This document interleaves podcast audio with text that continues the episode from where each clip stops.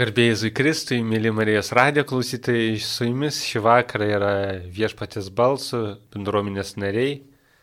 Rasa, Aurelija. Ir aš Jarekas.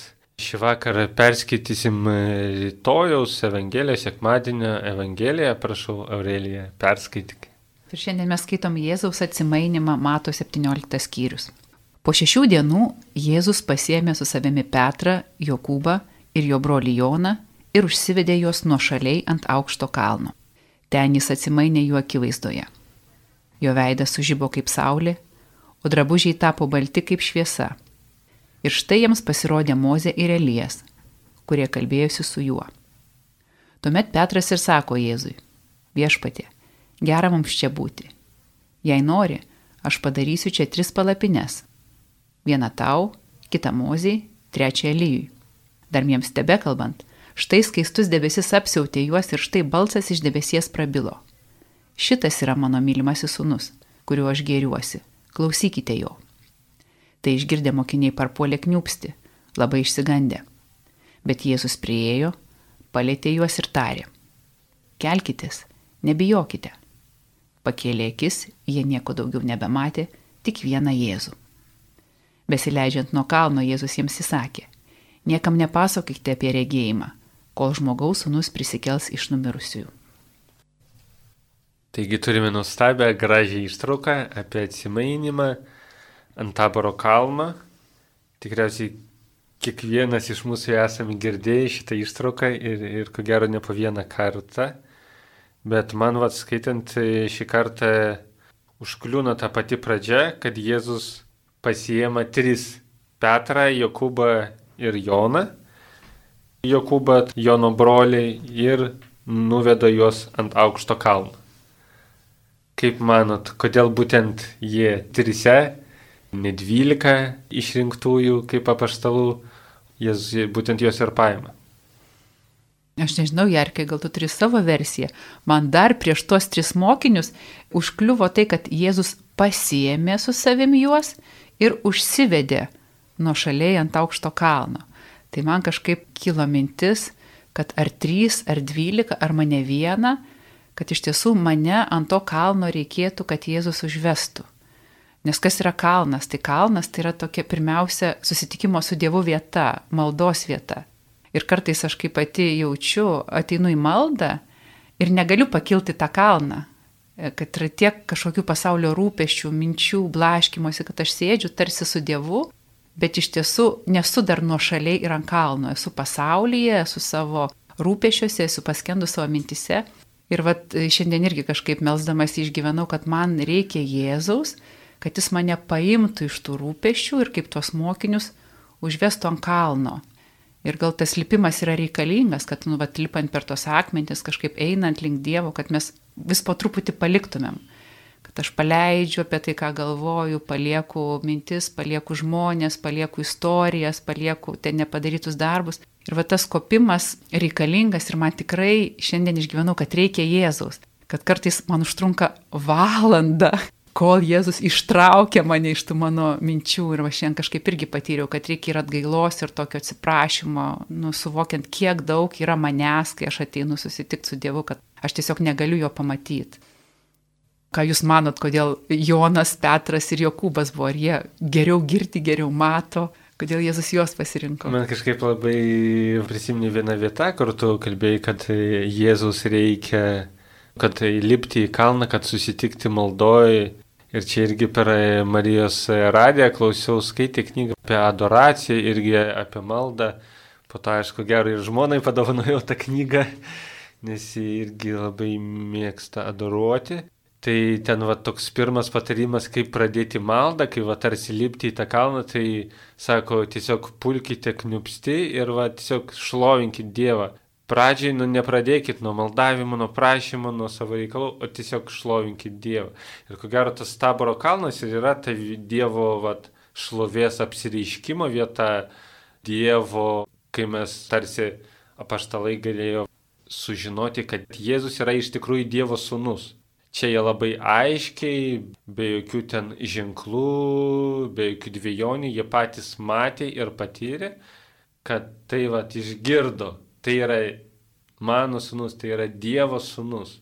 Tai kažkaip e, šlovinimo vieta, į kurią vat, yra šį kartą pakviečiami tie trys, kas irgi yra iš vienos pusės gal truputėlį keista, kad būtent jie, iš kitos pusės man taip irgi svarstant vakar su kita bendruomenės nare kalbėjom apie šitą vietą ir aš taip kažkaip bandžiau įsivaizduoti labai žmogiškai, kad mes žinom iš kitų Evangelijos vietų, kad Jėzus ėmė su savim mokinius, pavyzdžiui, iš alyvų sodo vietos, kad jis paėmė su savim ir nuėjo pats melsti. Žinom, kad jis praktikavo tą, kad jis einavo į nuošalę vietą, būdavo ten visą naktį meldžiasi ir iš vienos pusės galima taip imti, nu, tiesiog, vat, Jėzus pasirinko tos, vieną kartą vieni eina, kiti kartą kiti eina, kiti ten džiaugiasi, kad nereikės ten, jis ten meldžiasi valandų valandas, jie ten arba sėdi, arba miega, arba ten, nežinau, žiūri ten į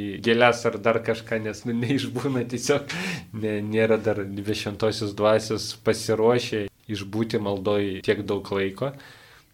Tai tiesiog vat, buvo labai paprasta kasdienybės dalis, kuris taiga pavirsta Dievo šlovės apsireiškimu. Iš kitos pusės, pas Dievą atsitiktinumų nėra. Tai kaip manai, Aurelė, tai gal visgi tie trys kažkaip siejasi, kad jiems tai buvo svarbu pamatyti. Kažkaip dažnai mes girdim, kad būtent Jona, Petrą ir Jokūbą Jėzus vedasi. Tai kažkaip susidaro įspūdis, kad tikrai jie buvo liktai jo mylimiausi, galim sakyti, ar ištikimiausi, ar jį labiausiai mylintis.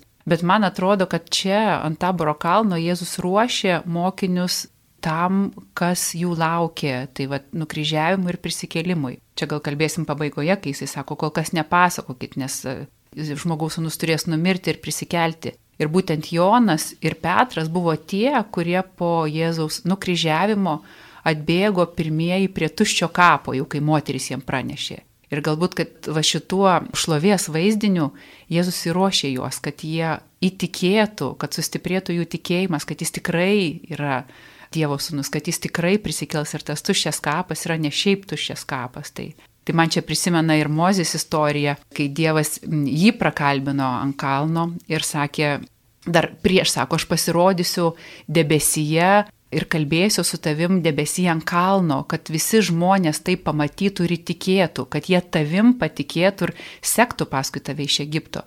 Tai va, gal Dievas nori, kad Jėzus atsivestų mokinius, kad jie irgi galutinai tikėtų, kad tai sustiprintų jų tikėjimą, va, tas debesis, tas balsas iš debesies. Ir kad jie pasitikėtų Jėzumi iki galo ir kad tai per prisikėlimą jiems nekiltų jokių abejonių. Ką tu manai, Rasa?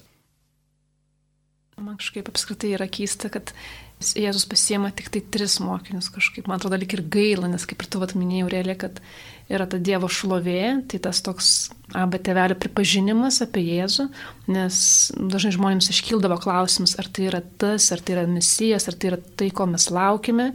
Ir atrodo, tai ta vieta, kur tai yra patvirtinimas ir čia yra tik trys mokiniai ir atrodo, o galėjo būti minė, galėjo būti daug žmonių galėjo visą tai visi pamatyti, jo tą šlovę ir galybę ir atrodo, nu, kaip ir gaila. Bet iš kitos pusės čia toks kaip ir tas toks artimas, toks intimus santykis su jo tais trim išrinktaisiais. Toks parodimas, visgi jis vis tiek pasiema kėdis ir parodo tą savo šlovę bent jau trims ištikimiausiaus.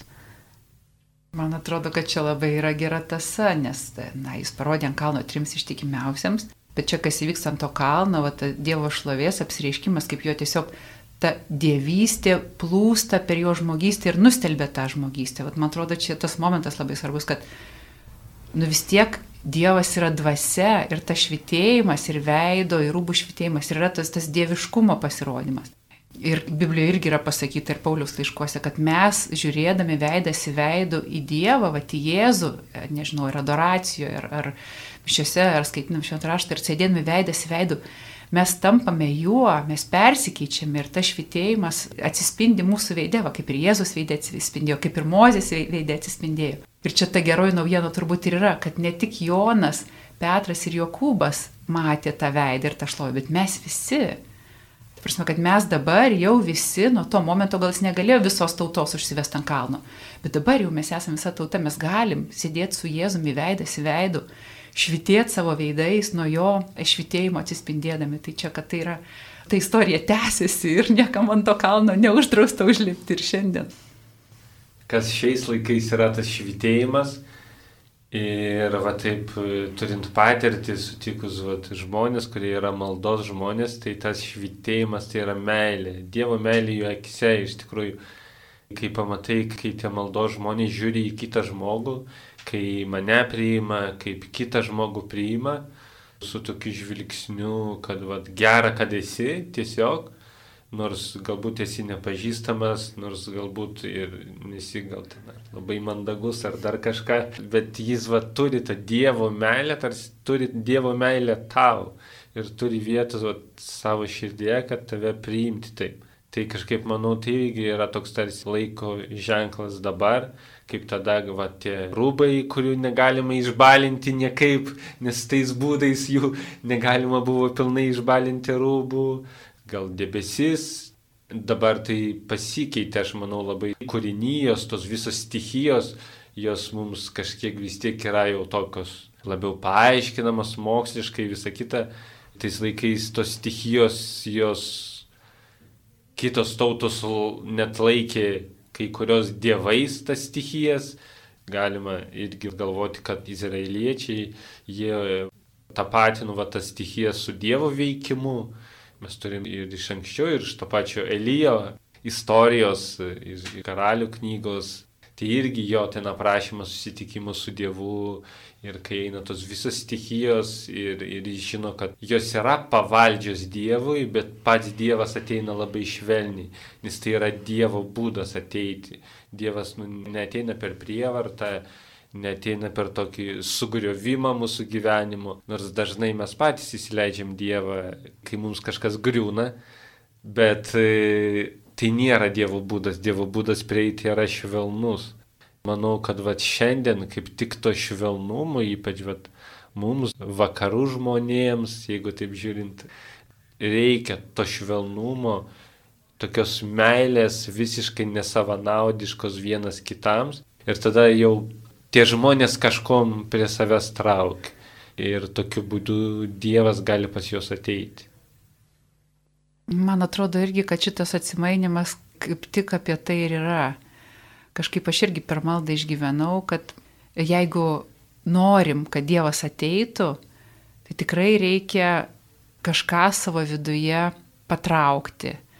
Nu ir va greičiausiai tą savimeilę, kažkokį egoizmą, ten tą norą pačiai spindėti iš savęs, ten savo protų, savo žiniom, nežinau, dar kažkuo grožiu tuo nenusakomu. Ir vad, kai mes nebenorim spindėti patys iš savęs, kai padarom jam vietos, tai tada gali užėjti. Man labai atlipė, ką Jarekas sako. Kartais nuvažiuodavau pas motinos Teresės sesės čia Vilniuje, jos globoja priklausomų žmonės. Ir vad, ten yra tas jausmas, gera man čia būti. Pasistatykim tris palapines, yra tiek Dievo meilės, kaip tu sakai, Jarikai, tokie priimantis veidai, nu tų pačių sesių, jos iš tiesų maldos, adoracijos žmonės ir dar patarnauja vargstantiems ir ten tiesiog veidė matai tą besąlyginį prieimimą, meilę, e, nuolankumą, gerumą, gailestingumą, viską, kas yra Dievas, kas yra ta Dievo esmė, Dievo šlovė. Tai tikrai jos nieko nebando ten suspindėti, ką mes čia pasaulyje bandom iš savęs išspausti. Tai va tikrai toks visai kitas pasaulis, ne tie standartai, bet tikra Dievo šlovė. Ir kažkaip bendrai dar kalbant apie tą patį taboro kalną, kurį tapatiname su Dievo šlove, tai nežinau kaip jums, bet man tai iš karto siejasi ir su mano asmeniniu susitikimu su Dievu, su mano tokiu va, atsivertimu, giliu pasiryžimu būti su Dievu, nepaisant to, kad buvau toks tikintis katalikas, bet e, va ta šventosios dvasios krikšto įsilymo patirtis, tai būtent ir buvo patyrimas tos Dievo šlovės, Dievo galybės, bet tuo pačiu ir besąlygiškos Dievo meilės, kuri viską perkeičia ir iš tikrųjų visiškai kitom spalvom nupaišo pasaulį. O kaip tu patyrei tą Dievo galybę? Per užtarimų maldą pasimildė mano du broliai už mane tiesiog namie, ne kažkokioj ten sakralioje aplinkoje ar dar kažko mano kambarį, jie pasimeldė už mane ir aš patyriau tą Dievo meilę, Dievo artumą, pradėjau verkti, atidaviau savo sąmoningai savo gyvenimą Dievui ir nuo to laiko prasidėjo ir didelės permainos mano gyvenime, kur reikėjo daug išmokti, suprasti, suvokti, kad tikri dalykai, kuriuos aš tarsi neįgiau savyje, nenorėjau gal jų priimti, tai kad jie tiesiog yra mano dalis, mano vat, dvasinis gyvenimas, mano visa emocinė sritis, kuri irgi, nu, tarsi bandžiau ją visą sutramdyti savyje, tai, tai pradėjo skleidimas, prasidėjo Dievo gydimas, visiškai pasikeitė, pasikeitė mano pasaulio suvokimas. Ras, kaip tu sutinki Dievą, mes čia kalbame apie Dievo šlovę, Dievo šviesą, ar įmanoma kasdienybėj kažkaip jį patirti, ar yra tau tokių vietų ar tokių akimirkų, kai tu va, patiri Dievo šlovę, Dievo šviesą, kas tau tai yra? Kai kasdienybėje būnu, tai man tą momentą gal yra sudėtinga kartais prisiminti patį Dievą, bet gal dažniausiai kažkaip po to, jau po kažkokio veiksmo, aš kažkaip galvoju, o kaip bus sunku, ar, ar kažkas ten man erzino, ar kažkas nutiko, ar kažkaip galvoju, a, gerai Dieve, dabar tada jie atsimenu, kažkaip galvoju, reikia tai paukoti, atiduoti, nes tą momentą ne visada prisimenu Dievą. Kartais tikrai to trūksta tokio artimo santykio, bet stengiuosi bent jau apmąstymo dienos eigoje ar vakare vat, prisiminti. Ką mes toliau turime? Nuėjom, užlipom ant kalno kartu su mokiniais. Pamatėm Dievo šviesą. Pamatėm Dievo šviesą. Ir turim Mozę ir Eliją kurie kalbėjusi su Jėzumi. Čia irgi galbūt truputėlį banalus klausimas, nes gal ir, ir yra daug paaiškinimų, bet kodėl būtent Mozė ir Elijas? Ką mano, turit savo versiją, gal jums užkliuvo tai?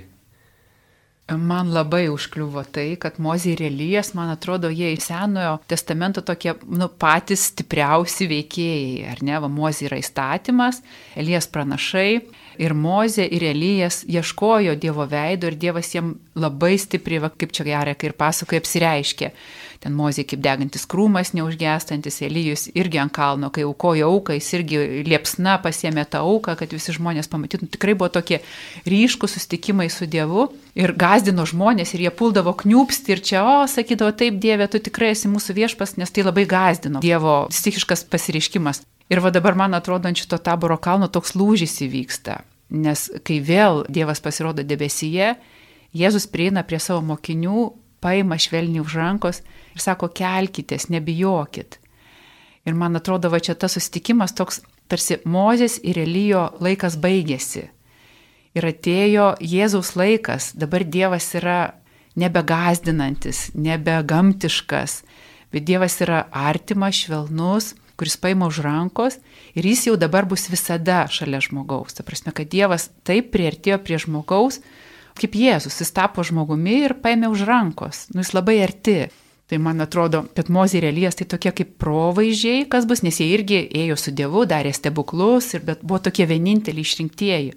O dabar jau Jėzus taip arti šalia kiekvieno iš mūsų ir mums nebereikia nei tos ugnies, nei to, nu, tokio Dievo galybės gamtiškos. Mes turim labai artimą, mylinti, žmogišką ir visą gali kartu Dievą. Tai iš tikrųjų labai palėtė mane, kad tu kalbėjai, dėl to, kad mano toks e, pamastymas buvo visiškai kitoks. E, esu aišku girdėjęs, va čia tokio Lenko Dominikonų irgi konferencija šią temą kodėl Elijas ir Mozė, apie ką jie kalbėjo ir kad jie iš tikrųjų kalbėjo su Jėzumi apie jo mirtį. Ir tarsi jie pasakojo, kas yra patirti mirtį. Iš tikrųjų labai įdomi tokia mintis. Aš gal visai nenoriu ten labai toli eiti su ją, tiesiog perpasakot gal tos konferencijos, bet kas man tai prakalba, kad tiek vat, Elijas, tiek Mozinai, jie turėjo sunkių akimirkų savo gyvenime su Dievu, nepasant to, kad jie vat, buvo labai arti, vat, jeigu prisiminam Mozė pats turėjo išbandymą savęs, savo tikėjimų su faraonu, kai jis pas jį eidavo ir eidavo, iš čia pamatė tą krūmą, Jis atėjo, izraeliečių seniūnai nenori ten, ką jis ten įsivaizduoja, jis esas, čia išvedinės tautą, kažkoks čia jau karalius vos neatsirado, jis jiems nėra reikalingas, tada eina pas tą faraoną, ten vyksta tie visi dalykai, bet kaip ir faraonas vis tiek nepaleidžia, toliau mes turim vat, išėjimą pagaliau, ėjimą prie Sinajaus kalno, tą senosios tos sandoros gavimą, vėl nespėjo iš jie čia normaliai ten pasirašyti kabutėse tos sandoros, o izraeliečiai jau pasistatė veršiuką ir pradėjo jį garbinti, tai jis irgi tarsi va tada supyko, sudaužytas lentas su tais dievo įsakymais jo kelias buvo nelengvas, ko gero. Toliau mes va, turime Lyją irgi, kas prisimena ten po tos va, šalvės akimirkos, kai tos visus pranašus išžudė, Dievas paėmė labai aiškiai, atėjo ugnis iš dangaus ir surijo tą auką sudegino. Elijas yra persikėjamas, turi bėgti Ir tada yra giliam dugne, suvokia savo irgi silpnumą, trapumą tokį, vėl išgyvena tokį nepasitikėjimą Dievu, dėl kurio galbūt ir bėga, nėra šitą vietą gal paaiškinta iki galo ir ateina ir sako Dieve, paimk mane iš čia, nes aš nesu nei kiek geresnis už mano protėvius, už visą tą tautą, kas yra nu, pakankamai keista Dievo pranašui. Ir būtent tada jis šaukia jį vat į tą susitikimą su juo, tarsi vėl atnaujina tą artimą ryšį. Ir galbūt, galbūt tai vat irgi tie vat ne, visi nelengvi išgyvenimai irgi mums kartais veda toliau artin su mūsų santykiai su Dievu. Tarsi vat Jėzus irgi ateina pas mus. Galima čia irgi taip įsivaizduoti, labai čia aš gal taip galima sakyti, šaržuoju arba personifikuoju visą tą situaciją, bet kad vat ateina Jėzus, vat maldos metu ir klausinu, tai papasakok man apie tą savo mirtį, tą savo gėdą, kaip tai atrodo, kai tarsi, nu, vat Jėzus to nežinotų, bet kad jis yra tas kuriam reikia visą tai išlieti ir paukoti, nes labai dažnai čia aš pastebiu ir pas save, kad nu, mes išliejam tos visus va, dalykus kitiems, apkalbinėdami kitus, apkalbinėdami situacijas, kas dažniausiai tiesiog siejasi su apkalbinėjimu kitų vietoj to, kad nunešti visą tai Dievui, parodyti visą tai Dievui. Ir aš tikrai tikiu ir žinau, kad kai tas išdėjama Dievui, tai Dievas tą paima ir nebelieka to kartelė širdyje, to po to tokio, galima sakyti, nuoskaudų arba tiesiog va tokio supratimo arba tam tikro va štampo kitam žmogui, kad va nu, vat, jis tai yra vat, tas ir tas, jis, pažiūrėjau, yra vėluojantis, nes jis vat, pavėlavus į susitikimą su manim ten 20 minučių neįspėjo. Tas yra toks, tas yra tinginys. Mes jau iš karto teisiam to žmonės. Dėl to, kad mes to nepadarėm tiesiog Dievo akivaizdai, neišlėjom savo širdies. Ką manai, Rasa? Neturiu ką aš tai vietoj pasakyti. Na, aš tai irgi galvoju, kad jeigu žiūrėti iš to kampo, kad Mozė ir Elijas jau yra patyrę mirtį, tai turbūt čia tas labai svarbus momentas yra, kad e, mokiniai su Jėzum žvelgia jam žinybę, nes Mozė ir Elės jau mirė. Ir vis dėlto jie juos mato. Tai kad čia va tas momentas, kad jie stovi ant to taboro kalno ir žiūri jam žinybę, va tą, e, kad dvasioje visi yra gyvi. Tai matyt, čia irgi toks tas labai e, svarbus sustikimas, kad po mirties yra gyvenimas, nes Jėzaus mirtis jau čia visai netoli. Ir kad yra daugiau, ir kad mes ragaujam tą amžinybę būdami su Dievu, nes tikras gyvenimas yra dvasios gyvenimas, kur yra nemirtingo, ne tas kūniškas. Kažkur irgi skaičiau, kad čia dar parodo, kad amžinybėje žmonės lieka savo kūniško išvaizdoje, nes ir mozė ir elės yra atpažįstami. Tai kažkaip mums papasakoja truputį daugiau apie tą pomirtinį amžiną gyvenimą. Sutinku turbūt greičiausiai, kad e, kadangi jau artėja nukryžiavimas, matyti jie kalbasi apie mirtį, įdomu būtų sužinoti, ką jie kalba. Gal tai yra padrasinimas sutikti tuos, kurie jau yra amžinybei. Nežinau, ar Jėzui reikėjo padrasinimo, gal labiau reikėjo mokiniams.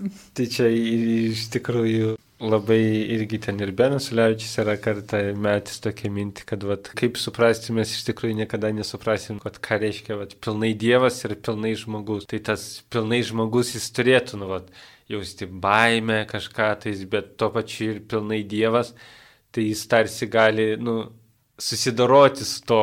Ir kad Dievas, būdamas žmogus, jis tam tikrus dalykus patiria tarsi naujai, nes jis kaip Dievas nu, negalėjo patirti baimės, kažkokio nuovargio, pavyzdžiui, alkio ir taip toliau. Bet šiai vietoj tai labai viskas taip neaišku. Tai kad per daug neprigribau, tai gal ir nesigilinsiu.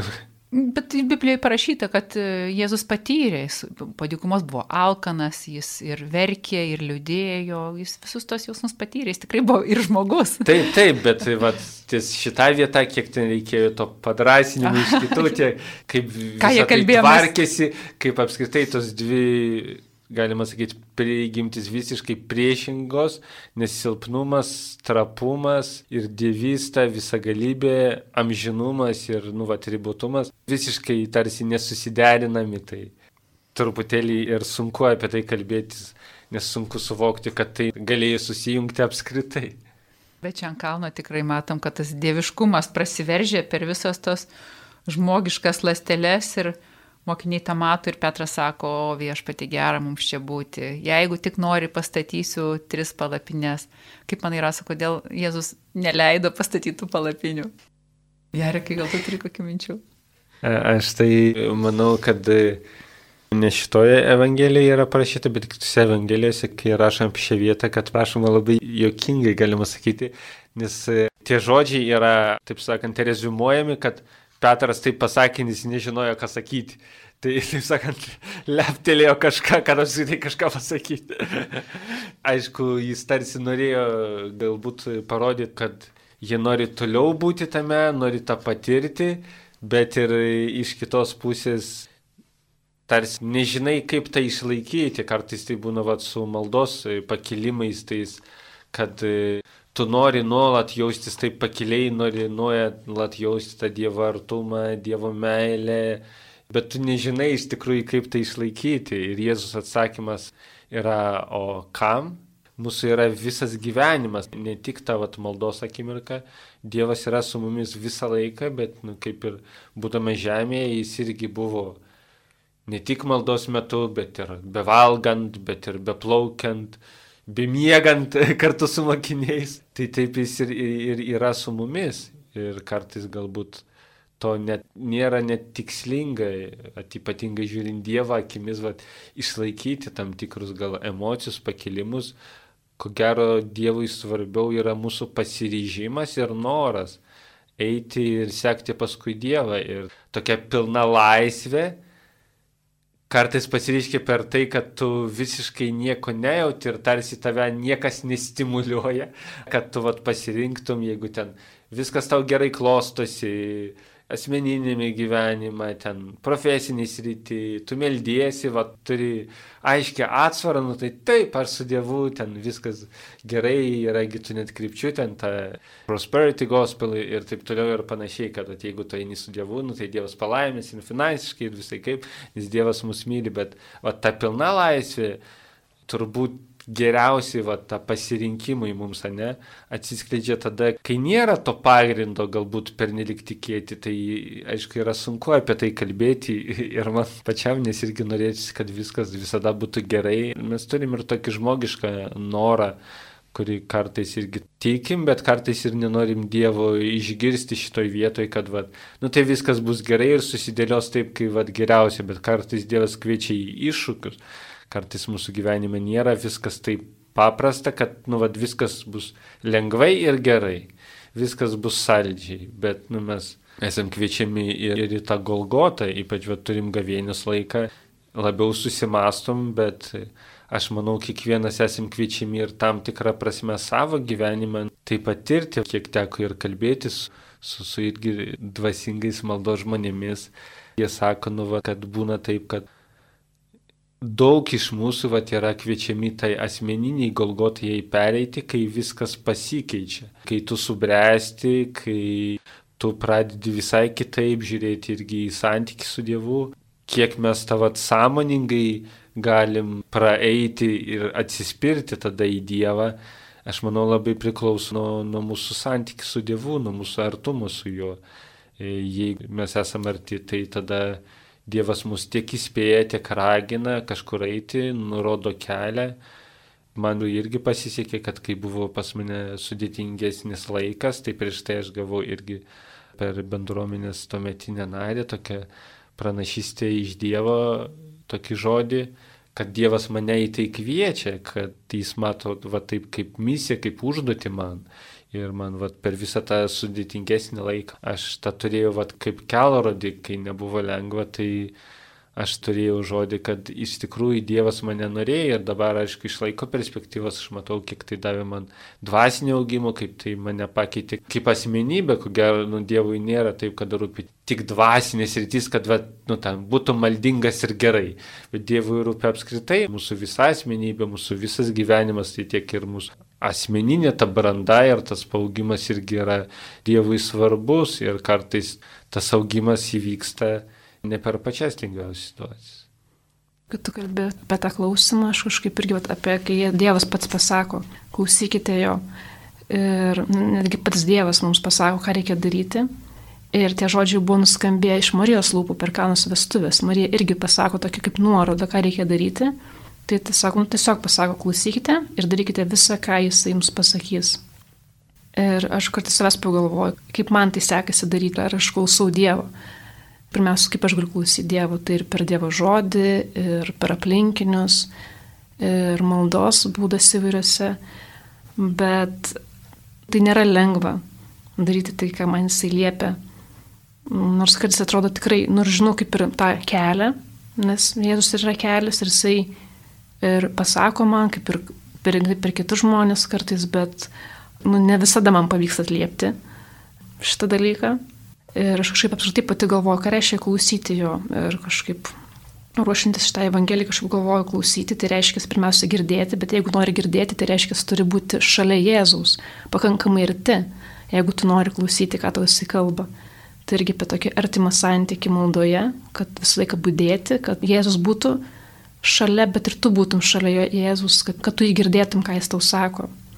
O tada yra kitas žingsnis apskritai atliepti, kai Jėzus tave kviečia, išgirdai tą misiją ar tarnystę, kur eiti, ką daryti tiesiog, nu, tai būti veikliam žmogui. Ir kaip minėjau, man tai nėra visada labai lengva. Aš irgi noriu atliepti, man labai kalba vakarėse, sako ir Jarikas, kad tas buvimas ant kalno, buvimas maldoj, tos mėgavimasis Dievo artuma, nu nėra pats savitikslis savaime, kad o gera mums čia būti ir būsiu maldo žmogus ir aš tik tai melsiuos. Kad Jėzus mums sako, jo, sekit manim, leiskitės nuo kalno, eikit, tarnaukit, darykit tos darbus, kovokit dvasinės kovas, bus iššūkių ir bus sunku ir aš būsiu šalia, tiesiog, kad nu, jis mus vis tiek veda nuo to kalno, kad mes darytumėm, ką jisai darė ir va, tą tėvo valią vykdytumėm ir tas savo asmenybę tobulintumėm su, aišku, jo pagalba ir tas dvasinės kovas kažkaip kovotumėm. Nors tai yra labai nepaprasta, bet už tai tie reikalingi užlipimai ant kalno, kad vėl pasisemtumėm tos šviesos ir vėl žemyn, ir vėl aukštyn, ir vėl žemyn. Turbūt toks ir yra gyvenimas. Kad be jo šviesos patys vieni iš savęs mes nieko negalime nuveikti. Mes galim tik murkdytis papėdė ir nežinoti, kurią pusę eiti. Tai va tas ir viena ir kita reikalinga. Ir užlipti ant kalno, prisisemti Dievo meilės, Dievo išminties ir vėl leisti žemyn ir nešti tą šviesą, jo šviesą, ne savo šviesą, ne savo neišmanimą, o jo meilę. Matyt, toks yra mūsų pašaukimas. Dar norėčiau grįžti truputėlį prie to klausimus, man irgi atliepia tai, ką Vatrasa sakė, kad reikia irgi ir klausytis Dievo, kad išgirsti, kad Dievas sako, kad reikia klausytis ir kad va tai kažkaip ir yra, kad reikia norėti išgirsti, reikia klausytis. Ir ypač kartais, kai būna taip, kad atini pas Dievą su tom vietom, kur tu nori išgirsti, o Dievas atkreipia dėmesį visiškai į tokias vat, skirtingas visiškai vietas. Pasakoja, tiesiog vat, gal atskleidžia tam tikras vietas iš švento rašto, atkreipia dėmesį ten kažką vat, iš apokalipsis atkreipia dėmesį, vat, kažkas labai išryškėja, jums tai irgi tikriausiai būna, ne, kad maldos metu vat, kažkas tai vat, išryškėja, tarsi supranti, ateina suvokimas kažko tai. Ir po to gal galėtų galvoti, o tai kaip tai viskas siejasi su mano problemu, man reikia to, to, ano, man čia reikia sprendimo, ten e, profesiniais sritis sprendimo, va ten šeimoje su kažkom nesikeliu. Ir ką man tai apskritai duoda, tas žinojimas ten apokalipsės, e, bet šitą vietą irgi man labai patiko kažkur, man rodos, Lenkijoje. Girdėjau tą konferenciją, sakė, kad, sako, jūs ateikite pas Dievą ir, sako, jūs kalbėkite su Dievą apie jo, apie jį, kalbėkite, koks jis nustabus, koks jis geras. Ir tada ateina tas laikas, kai Dievas pradeda kalbėti apie tave ir duoda tos visus sprendimus, nes Dievas tiesiog myli ir nepamiršta, o, o kartais irgi norisi taip labai būti išgirstam, bet negirdėti. Dėl to gali būti, kad po to mes ir liekam toj papėdėje, ne? Nes mes norim būti išgirsti, bet nenorime girdėti. Po truputėlį mes einam į pabaigą, gal dar keletas žodžių, norėčiau apibendrinimo tokio gal norėčiau paminėti apskritai apie toje pabaigoje esantį apie tą santykį Jėzus, man kažkaip labai gražu, kai Jėzus pats prieina prie mokinių, nes mokiniai yra įsigandę ir guli kniupsti ir atrodo pats Dievas, jis prieina prie jų.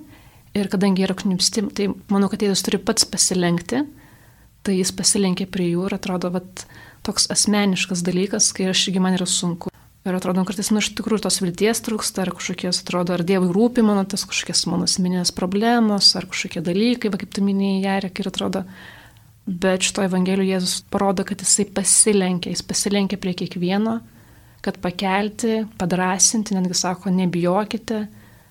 Ir toks atrodo nuviltingas dalykas, kur nepalieka Jėzus mūsų. Ką manai, Aurelijonis labai, labai geras toks ir, ir gero apibendrinimas šitai visai Evangelijai, kad Jėzus nepalieka mūsų, Jėzus pasilenkia ir, ir sako, nebijok. Taip, man atrodo, šitas momentas ir man pasirodė labai svarbus, kuo Jėzus ir skiriasi nuo vat, Mozės ir Elijo, kaip kalbėjom, kad Dievas dabar jau nėra tas tolimas nepasiekimas, jis labai arti ir jis jau leisis kartu su mumis nuo kalno ir mes žinosim, kad jisai šalia kur be atsidurtumėm. Tai man irgi atrodo, kad čia toks stiprinantis tikėjimą tas vaizdinys ir toks teikiantis viltį, kad mes jau dabar esam su Dievu ir galim būti perkeisti į jį, tokie pat švytintis, tokie pat pilni Dievo. Ir man iškart prisimena, kaip jau po kiek laiko, po šventosios dvasios atsiuntimo, eina Petras gatve ir žmonės guldo, žmonės, ligonius, neįgaliuosius ant šalygatvio, kad jo šešėlis praeitų ir visi sveiksta, jo šešėliui praeina. Tai va tas Petras, kuris dar toks buvo žvėjys, ar toks, nežinau, nepasitikintis, ar besiblaškantis ir po kiek laiko jau prisipildęs to Dievo artumo, jis pats kaip Jėzus jau eina gatve ir žmonės sveiksta nuo to šlovės, kurios jau dabar jis yra pilnas. Tai va toks pažadas mums visiems turbūt, kad tą Dievo veidą regėdami ir mes tapsim panašus į jį. Amen. Ačiū visiems, kas buvote, kas klausėtės mūsų iš vakar su jumis. Buvo viešpatės balso nariai. Rasa. Aurelija. Ir aš Jarekas, linkime gražaus vakaro ir iki kitų susitikimų.